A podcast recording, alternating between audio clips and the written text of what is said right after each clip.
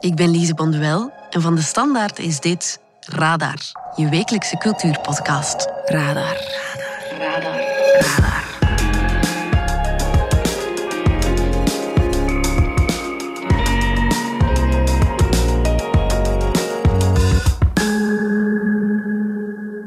Wij hebben een boon voor elk boek waarin iedereen erbij hoort, ertoe doet en meetelt. Op 24 maart wordt voor het eerst de Bon. De Boon, de Boon, de nieuwe Vlaamse literatuurprijs. Voor kinder- en jeugdliteratuur en de Boonprijs voor fictie en non-fictie. uitgereikt. Het is toch wel met eh, enige vreugde dat wij kunnen aankondigen dat wij in Vlaanderen terug literaire prijzen kunnen uitreiken. Want dat is lang niet het geval geweest. We hebben vijf jaar zonder eigen prijs gezeten hier. En nu is het dus zover. Dat is het goede nieuws. Heel fijn om dan ook te kunnen zeggen dat er een eerste uitreiking zal zijn. Voor elke prijs zijn vijf boeken genomineerd. En die stelt Guinevere Klaes aan je voor. Ja, als host, stel je voor. In een, jawel, nieuwe podcastreeks Letteren. Iets nieuws. Swat, Guinevere zelf vertelt er je zo meteen alles over. Spannend. En dan iets waar we na 25 jaar duidelijk nog altijd een ferme boon voor hebben. Pokémon. Die reeks bestaat nu ondertussen 25 jaar.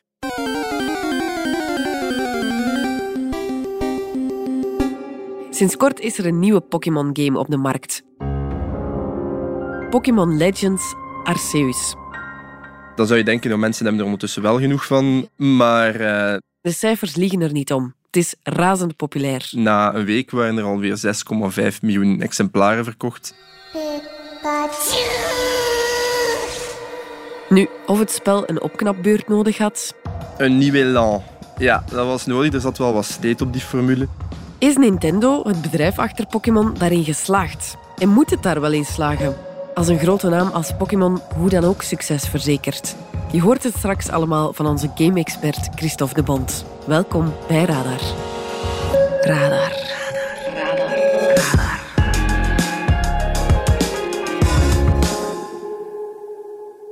Guinevere Kluis, chef letteren van de Standaard. Jij gaat hier de komende weken nog een aantal keren zitten in de studio, maar dan niet aan die kant van de micro als geïnterviewde, maar aan deze kant hè, als host. Vertel eens.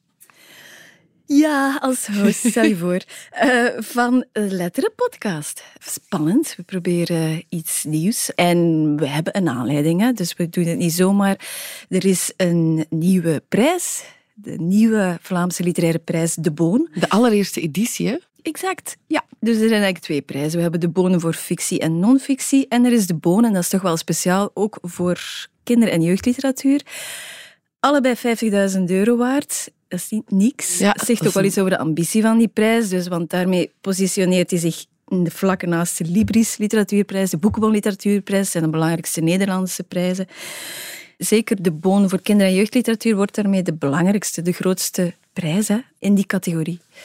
Voilà, dus vanuit het idee dat kinder- en jeugdliteratuur eh, toch nog altijd te vaak een ondergeschoven kindje voelt. Hè. En dat is dan wel bij deze is dat een heel krachtig signaal toch wel om er eindelijk eens komaf mee te maken.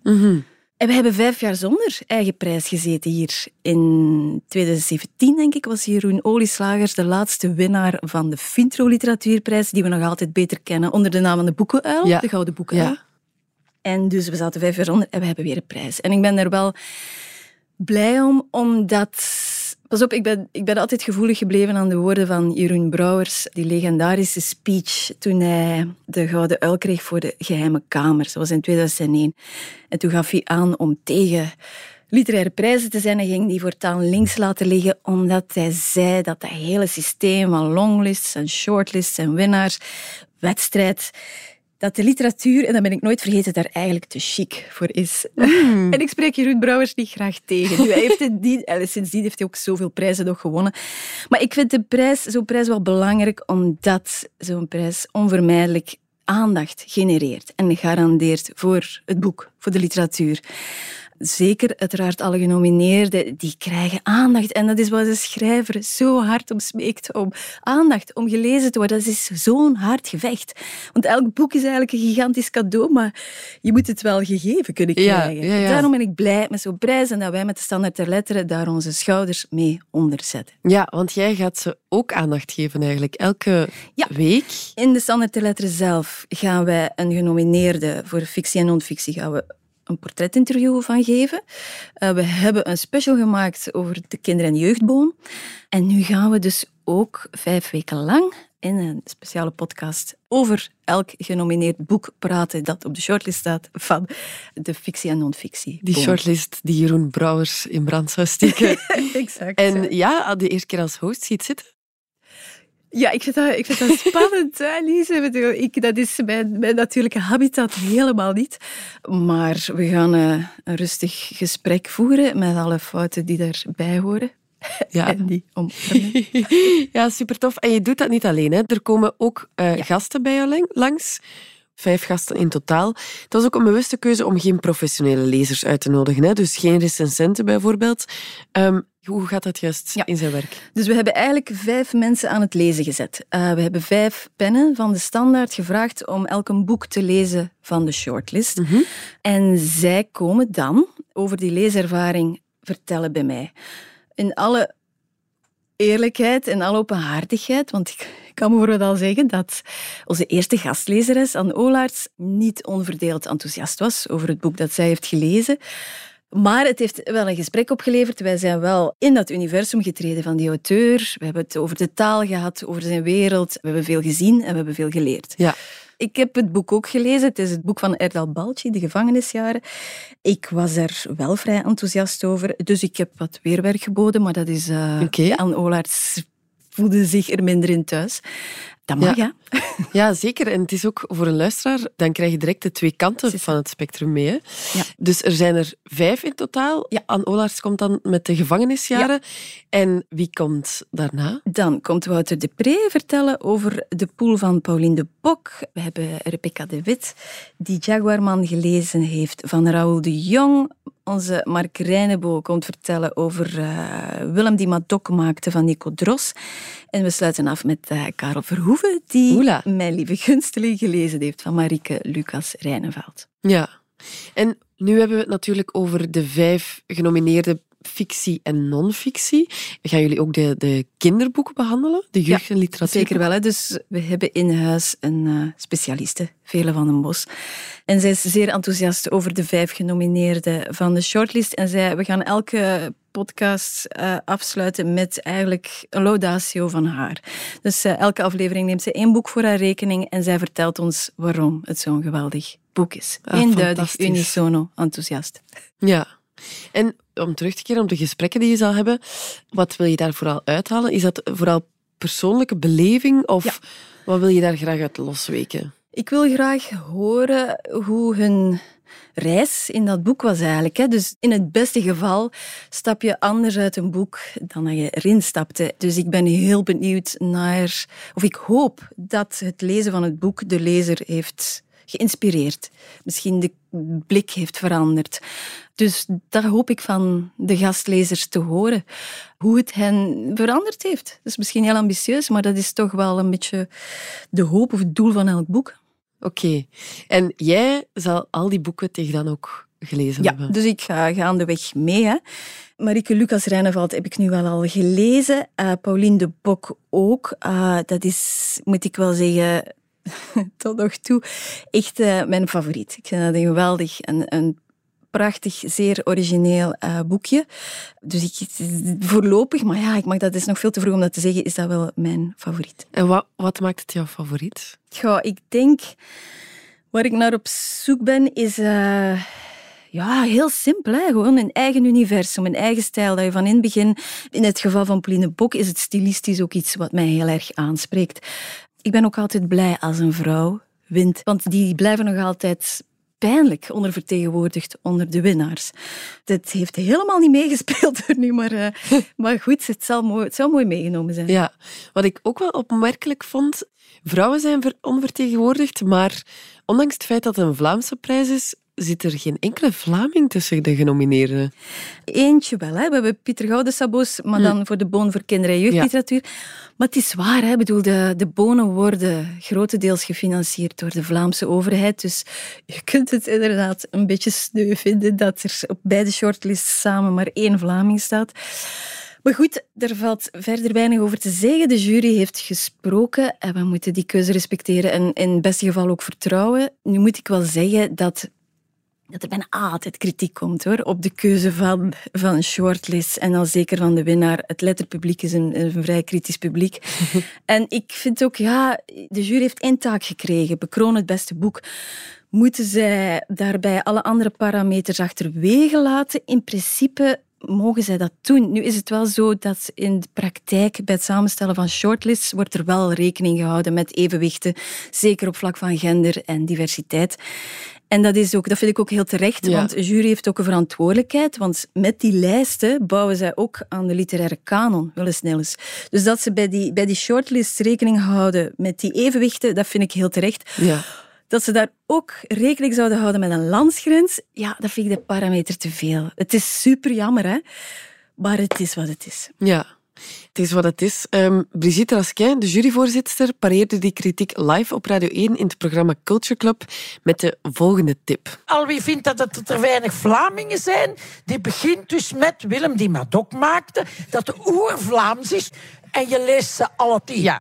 Dan uh, eindig je uiteindelijk met ze allemaal te lezen. En het wordt ook echt een feest, hè? Ja, de uitreiking zelf, dat is toch, dat hopen wij. In zoverre wij feestelijk zullen mogen zijn, zullen we feestelijk zijn. Uh, maar dus die wordt uitgereikt op 24 maart in uh, Oostende met uh, veel toeters en, en bellen. En dat mag ook. Dat mag een, een, celebratie zijn van het boek. En dat is niet onbelangrijk. Het is uiteindelijk, dat is toch de bedoeling van zo'n prijs, de viering van het boek, hè, van de literatuur. Ja, ja. En wanneer kunnen we de nieuwe podcast Letter beluisteren? Die wordt vanaf nu elke donderdag gepubliceerd. En zo gaan we vijf weken ver tot die 24ste. En dan kennen we de winnaar. Ja, spannend hè? Yes. Gine ik heb al ongelooflijk veel zin om te luisteren. En dank je wel. Joepie, dankjewel. En de eerste aflevering van de podcast Letteren met Anne Olaert kan je al beluisteren op Spotify via DS Podcast of op de website van de Standaard. Radar, radar, radar.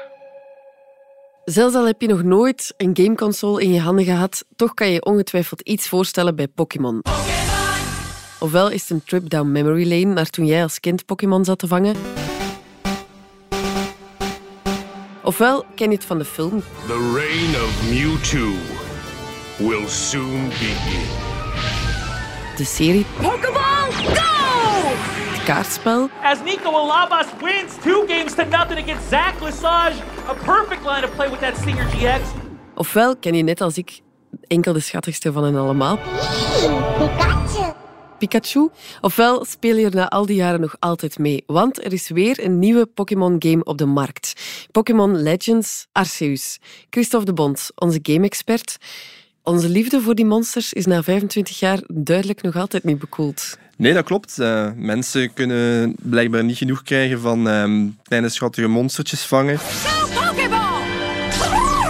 Die reeks bestaat nu ondertussen 25 jaar dan zou je denken, dat mensen hebben er ondertussen wel genoeg van. Ja. Maar uh, ja, de verkoopcijfers nu van, van Arceus, na een week waren er alweer 6,5 miljoen exemplaren verkocht.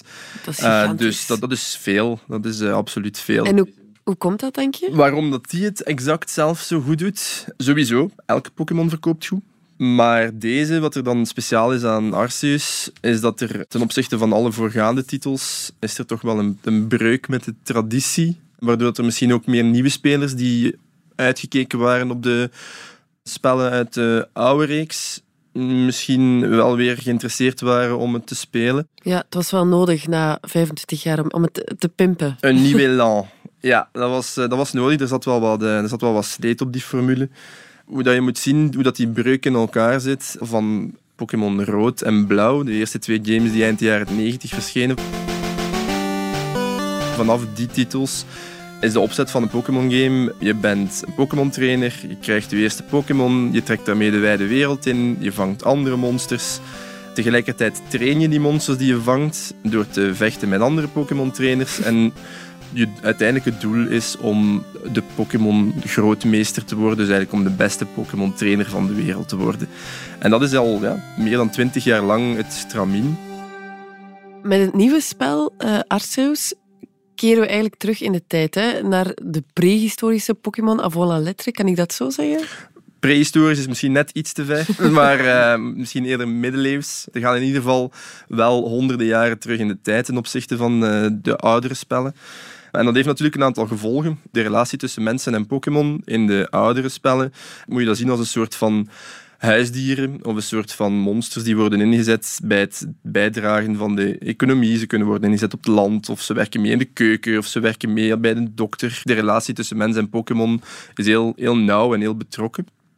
En nu, doordat zich het in het verleden afspeelt, is die relatie helemaal anders. Pokémon vind je vooral in het wild. Er is absoluut nog niet veel onderzoek naar Pokémon gebeurd. De manieren om Pokémon te vangen, want voor de mensen die dat niet weten, je vangt Pokémon door daar een Pokébal naar te gooien. Dus een soort van bal en dan worden die Pokémon daarin gezogen en, en blijven die daarin zitten. Als je die bal dan gooit, komt die Pokémon er terug uit en kan die voor jou vechten of kan die voor jou dingen doen. Pokéball, go! tijdperk waarin de Arceus zich afspeelt, zijn de Pokéballs nog maar net uitgevonden. Dus de relatie tussen mens en dier is, is mens en, tussen mens en Pokémon is volledig anders. Want van Pokémon-trainers is er ook nog geen sprake. Want aangezien dat ze nog niet gevangen kunnen worden, zijn er ook, worden ze ook nog niet getraind. Dus in plaats van als Pokémon-trainer ga je aan de slag als Pokémon-onderzoeker. Ah, ja. En moet je Pokémon in het wild gaan bestuderen, gaan vangen. En is de bedoeling om eigenlijk de wereld van Pokémon in kaart te brengen en de allereerste Pokédex samen te stellen. Dat is de bedoeling. Pokédex is de, een soort van encyclopedie van alle Pokémon in een bepaalde regio. Jigglypuff, a balloon Pokémon. It has large, friendly eyes and it sings a pleasant song. En je zegt dat ze, als ze nog in het wild leven, zien ze er dan gevaarlijker uit, ruiger? Uh, ja, nee, eigenlijk niet. Uh, ze zien er ongeveer hetzelfde uit als, uh, als 100 jaar geleden. Dus dat is misschien wel, wel grappig en vreemd. Ja, het is belangrijk natuurlijk dat die monsters herkenbaar blijven voor spelers van de vroege reeks. Ja. Dus is er niet zo heel veel aan een, aan een uiterlijk gewijzigd, zodat ze nog goed herkenbaar zijn. Ja. En wat zijn de troeven van het nieuwe spel? Het grootste verschil met de, met de oude reeks is dat hoe dat de Pokémon op jou reageren is anders. In de, in de oude reeks gingen Pokémon die je tegenkwam altijd agressief reageren, gingen die altijd jou aanvallen en moest je jezelf beschermen met je eigen Pokémon. Nu kan je vrij door de wereld rondlopen en kan je de Pokémon zien en ze reageren ook op een andere manier. Ze kunnen nog altijd agressief reageren en proberen van je aan te vallen, maar ze kunnen ook gewoon weglopen. Of ze kunnen gewoon blijven zitten en wachten tot je hen vangt. En het grote verschil is dat je nu bijvoorbeeld, eh, omdat je rechtstreeks controle hebt, ook de hele tijd over de trainer, terwijl dat vroeger alleen maar in een minuutje aanvallen kiezen was van, van je Pokémon. Is ook dat je de, voor de eerste keer eigenlijk ook echt fysiek, niet fysiek, maar dat je je Pokémonbal gooit door hem te richten op de Pokémon. Uh, dat is bijvoorbeeld iets wat dat, uh, ja, wel uit Pokémon Go is voortgekomen. Pokémon Go is een mobiel spel in 2016 heel populair was en als geen ander de fantasie van een Pokémon-trainer zijn vertaalde naar de echte wereld. Een echte hype is het. Pokémons vangen met je smartphone. Mensen vonden dat heel leuk. En Ja. dus is dat een element dat in Arceus ook wel naar voren komt, je eigen Pokémon-bal gooien. Ja. Dus het is een zeer tof en, en ambitieus concept, eentje dat nodig was. Maar het was misschien op bepaalde vlakken een beetje te ambitieus. Eh, Ja, hoezo? Wel, te ambitieus in die zin dat de, de wereld waarin dat je dan erop uittrekt om die Pokémon te vangen, die, die ziet er wel een beetje leeg uit. En een groot kritiekpunt was dat de, de visuals van het spel dat die er niet meer zo geweldig uitzagen. Dat alles ziet er een beetje verouderd en vooral leeg uit. En leeg is wel jammer, omdat je zit met een rijk universum aan wezens, aan heel veel, dat er heel veel geschiedenis ook achter zit, van hoe dat die wezens zich gedragen. En, en, maar je, je ziet dat helemaal niet. De, de wezens zijn in hun habitat, maar die wezens zijn er alleen maar om gevangen te worden door u. Los Ja. daarvan doen die niet zo heel veel. En je kunt zeggen van geloofwaardig ja, voor, een, voor een fictief dierenspel. Maar goed, dat is wel wat dan ze wilden bereiken met dat nieuwe spelconcept van een iets geloofwaardige en reactievere spelwereld te zetten. En dat lukt niet echt helemaal. Waarom lukt dat niet helemaal? Kan het niet beter, omwille van de hardware-limitaties van de Nintendo Switch ondertussen? Of moest het niet beter, omdat het Pokémon is en Pokémon verkoopt toch? Ja, en wat denk jij dat het antwoord daarop is? Het is wel een feit dat de Nintendo Switch bijna vijf jaar oud is, in maart 2017. En die begint toch wel de sporen van zijn leeftijd te tonen. Ik had dat denk ik vorig jaar al gezegd bij mijn recensie van uh, Super Mario 3D World. En daar kon je al merken van oké, die console begint toch tegen zijn technische limitaties aan te lopen. En Arceus onderstreept dat idee enkel maar. En dan ja, natuurlijk Game Freak, de ontwikkelaars van Pokémon. Dat blijft een klein team. Maar ook niet vergeten dat het spel gemaakt is in covid-omstandigheden voor een groot deel. Dus misschien had het beter kunnen zijn, maar is er op een bepaald moment gewoon ook gezegd: ship it. Ja. Dat gebeurt soms in de games industrie. Let's ship it. En welke updates of veranderingen zouden ze dan volgens jou moeten doorvoeren? Ja, zoals ik zei, van, het is, het is denk ik dringend tijd voor een hardware-revisie van de Nintendo Switch. Dus de, de console die op zich een beetje krachtiger mag worden om wat meer veeleisende games aan te kunnen. Nu, Nintendo is het daar met mij absoluut niet over eens. Uh, of met mij, Mhm. dat is niet, ik denk daar niet als enige zo over. Er zijn heel veel fans en experts die zich zorgen maken over de leeftijd van de Switch. Maar Nintendo heeft onlangs nog maar aangekondigd dat zij vinden dat de console op de helft van zijn levensduur zit. Je zei mij dat, dat het eigenlijk op pensioenleeftijd was. Ja, in technologietermen is vijf jaar is gewoon heel lang en die evoluties gaan heel snel. Eh, Sinds dat de Switch uitgekomen is, PlayStation en Sony hebben nieuwe consoles op de markt gebracht, die dus nog zoveel keer sterker zijn dan, dan de Nintendo Switch. Technologisch hinken ze echt wel eh, stevig achterop. Nu, dat is niet echt iets nieuw voor Nintendo. Nintendo heeft nooit ingezet op spitstechnologie en, en is daar nooit echt vol voor gegaan. Maar het is niet alleen op het vlak van spitstechnologie dat ze nu achterop hinken. Bijvoorbeeld, ze hebben altijd achtergelopen op het vlak van de netwerkinfrastructuur. Om u een idee te geven, de Nintendo Switch ondersteunt pas sinds vorig jaar Bluetooth. Wat dan nu toch een technologie is die al iets langer ingeburgerd is. En op het vlak van die netwerkarchitectuur gaan ze misschien mogelijk problemen krijgen als de, de gamesindustrie evolueert naar een abonnementsmodel en dat dan ook nog voor een groot deel Netflix-achtige abonnementsmodel dat dan via streaming wordt aangeboden. Daar hebben ze op dit moment zijn ze toch een beetje onvoorbereid op de toekomst. Een beetje, een beetje veel uh, onvoorbereid op, op die toekomst, mm -hmm. vind ik. En je, uiteindelijk, je zegt ook, Nintendo heeft altijd al koppig zijn eigen dingen gedaan, maar ze bestaan dus wel nog altijd. Nee, ja, dat klopt. Nintendo is zo'n bedrijf dat al tien keer is doodverklaard, maar uh, iedere keer terug opstaat. En er zijn twee voornaamste redenen daarvoor, denk ik. Is dat ze enerzijds kunnen terugvallen op heel sterke eigen titels. Ze hebben de Mario-reeks. It's me, Mario! Ze hebben de Legend of Zelda-reeks.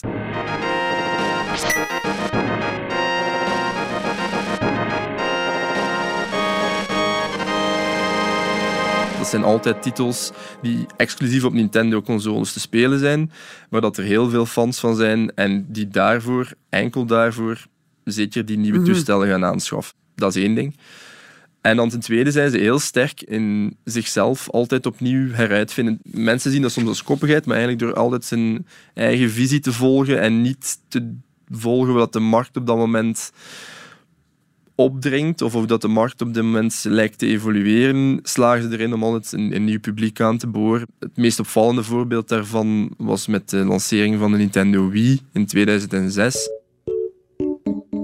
Waarbij dat in plaats van betere visuals en meer fotorealistische beelden en zo, gingen zij volop voor een compleet andere spelervaring, gericht op een, een jonger publiek, een familiepubliek. Op dat moment was de, de visie van Iwata, Satoru Iwata, die dan de directeur was van Nintendo op dat moment, was van videogames moeten fun zijn en iedereen moet fun hebben. En dat hebben ze op die manier gedaan en ze hebben daar ongelooflijk, zijn daar ongelooflijk succesvol mee geweest, hebben daar een volledig nieuw publiek mee aangeboord. Ja, en dat is altijd een beetje met Nintendo, met zijn ups en downs. Mm -hmm. Kan Nintendo zich dan niet permitteren om geen updates door te voeren? Want zoals je al zei, ze hebben massa's populaire reeksen, uh, spelpersonages op hun naam ook staan als Pokémon en Super Mario.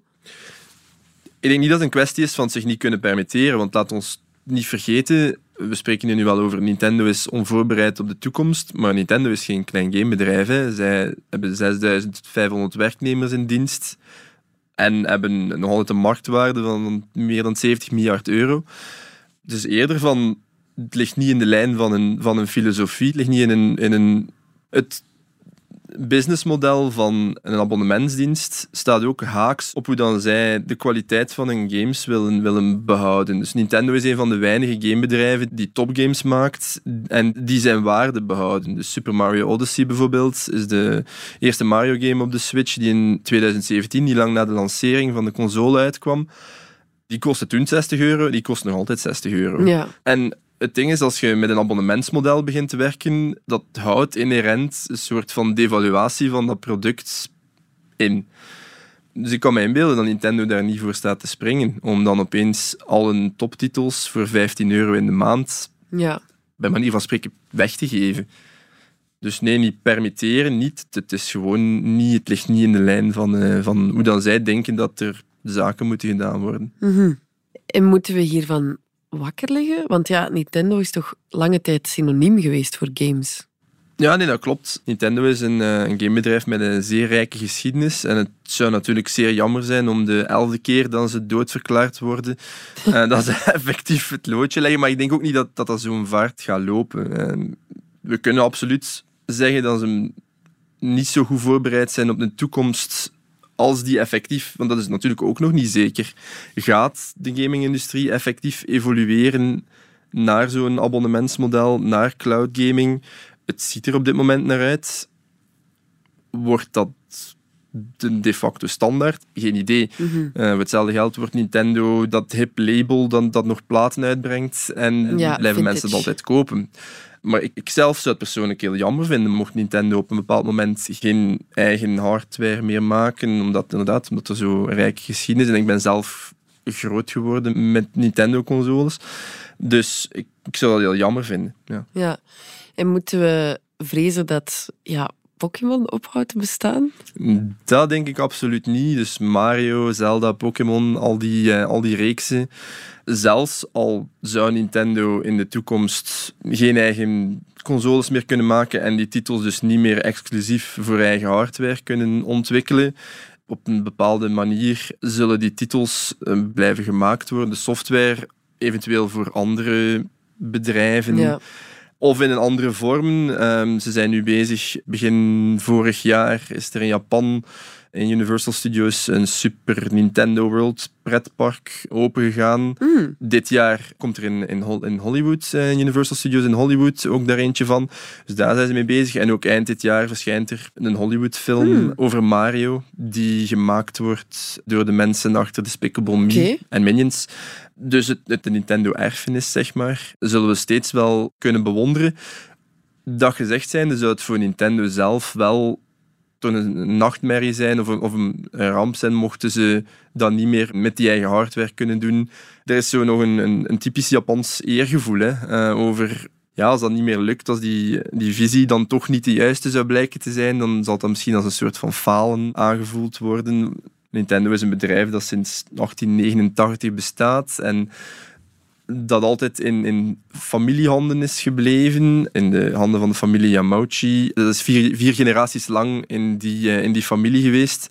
En dan ehm, de overdracht op, op het sterfbed, bij manier van spreken, naar de volgende CEO, die dan de eerste was die buiten de familie was. Dan werd er echt opgedragen van, kijk, draag goed zorg voor mijn bedrijf. En met die waarden en ideeën in het achterhoofd zou dat voor hen wel heel spijtig en, en voor de gamesindustrie in het algemeen heel spijtig zijn mochten zij op termijn niet meer hun eigen ding kunnen doen en niet meer het eigen koppige Nintendo kunnen zijn dat we eigenlijk kennen en waar dat we van Ik word houden. er bijna emotioneel van. Voilà, Laten we hopen voor Nintendo. Christophe de Bond, dankjewel. Graag gedaan. De suggestie van de chef. En zoals elke keer sluiten we af met een suggestie van de chef cultuur van de Standaard. Deze week krijg je hem van Philippe van Ongevallen. Ik ben in La Louvière naar het Centre de la Gravure de l'Image Imprimée geweest, waar ze eh, in het kader van Europalia op twee verdiepingen eh, allemaal treinaffiches hebben opgehangen. Heel oude en ook recente, maar vooral de oude zijn mooi. En ik ben daar zo enthousiast over. Echt waar, dat is zo schoon. En tegelijk ook eigenlijk zeer interessant, want je ziet daar een evolutie in de toeristische industrie. Hè. Dan heb je een paar blijvers, bijvoorbeeld de Grotten van Han, waren heel lang geleden al een toeristische trekpleister en nu nog steeds. Of ook aan de Belgische kust, eh, de zeebadplaatsen, zoals die dat dan heten op de affiches. En daar zag ik dan plots steeds een stadje of zo tussen staan dat Groenendijk heette. Ik heb nog nooit van Groenendijk gehoord, dus ben dat eens gaan opzoeken. En blijkt dus dat je in Oostuinkerken nu nog wel een strand hebt dat Groenendijk heet. En ooit moet dat veel bekender geweest zijn, maar nu had ik dus echt nog nooit van Groenendijk gehoord. Een hele mooie affiche die er hangt, vind ik ook. De Maas en haar rotsen. Dat is de slogan. Meer staat er niet op. En dan zie je zo echt mooi getekend de Maas liggen en de rotsen. En hoe machtig dat eigenlijk wel is en hoe groot de natuur. Of wat bijvoorbeeld ook heel leuk is om te zien, daar hangt daar een affiche uit 1936 en daar staat dan op, vandaag verzonden, morgen geleverd. En dan is reclame voor een NMBS, dus dat ze je pakje thuis komen ophalen en het de volgende dag bij de bestemming afleveren. Dus als u denkt dat uh, Amazon of uh, bol.com of weet ik veel wie het warm water uitgevonden hebben, want zo kunnen we klanten die voor middernacht bestellen, morgen al blij maken met een pakje. Nee, dus, want ze deden dat zelfs voor de Tweede Wereldoorlog al. Ja, over oorlog gesproken, er hangt ook een affiche over het bevrijde België en dan bezoekt zijn slagvelden. Dus na de oorlog kon je dus al naar het verwoeste Yper gaan kijken. Er staat dan zo'n soldaat opgetekend samen met een vrouw die gaan kijken naar de ruïnes. En die affiches, soms lijken die echt kunst, soms zijn ze ook kunst, want er zijn ook verschillende kunstenaars die voor Wagon Aleshinsky onder andere, die voor Wagon uh, een affiche hebben getekend. Uh, het zijn echt pareltjes van grafische vormgeving die daarop hangen. En toen ik buiten kwam, had ik eigenlijk een even grote esthetische ervaring gehad als ik een heel mooie kunstentoonstelling zie. De expo loopt nog tot 27 februari en moest ik van jullie zijn. Ik zou ook gaan. Radar. Radar. Radar. Radar. Dit was Radar, de wekelijkse cultuurpodcast van de Standaard. Bedankt voor het luisteren. Volgende week zijn we opnieuw. Radar bundelt ook cultuurtips in de Standaard Weekblad en in de nieuwsapp van de Standaard. Luister ook zeker naar onze nieuwspodcast Vandaag, uw dagelijkse nieuwsverhaal in 20 minuten. En ken je DS Podcast, de nieuwe podcast-app van de Standaard? Daar luister je niet alleen naar al onze journalistieke reeksen, je krijgt ook elke week een eigenhandige selectie van onze redacteurs en je vindt er ook al je persoonlijke favorieten. Download de app nu gratis.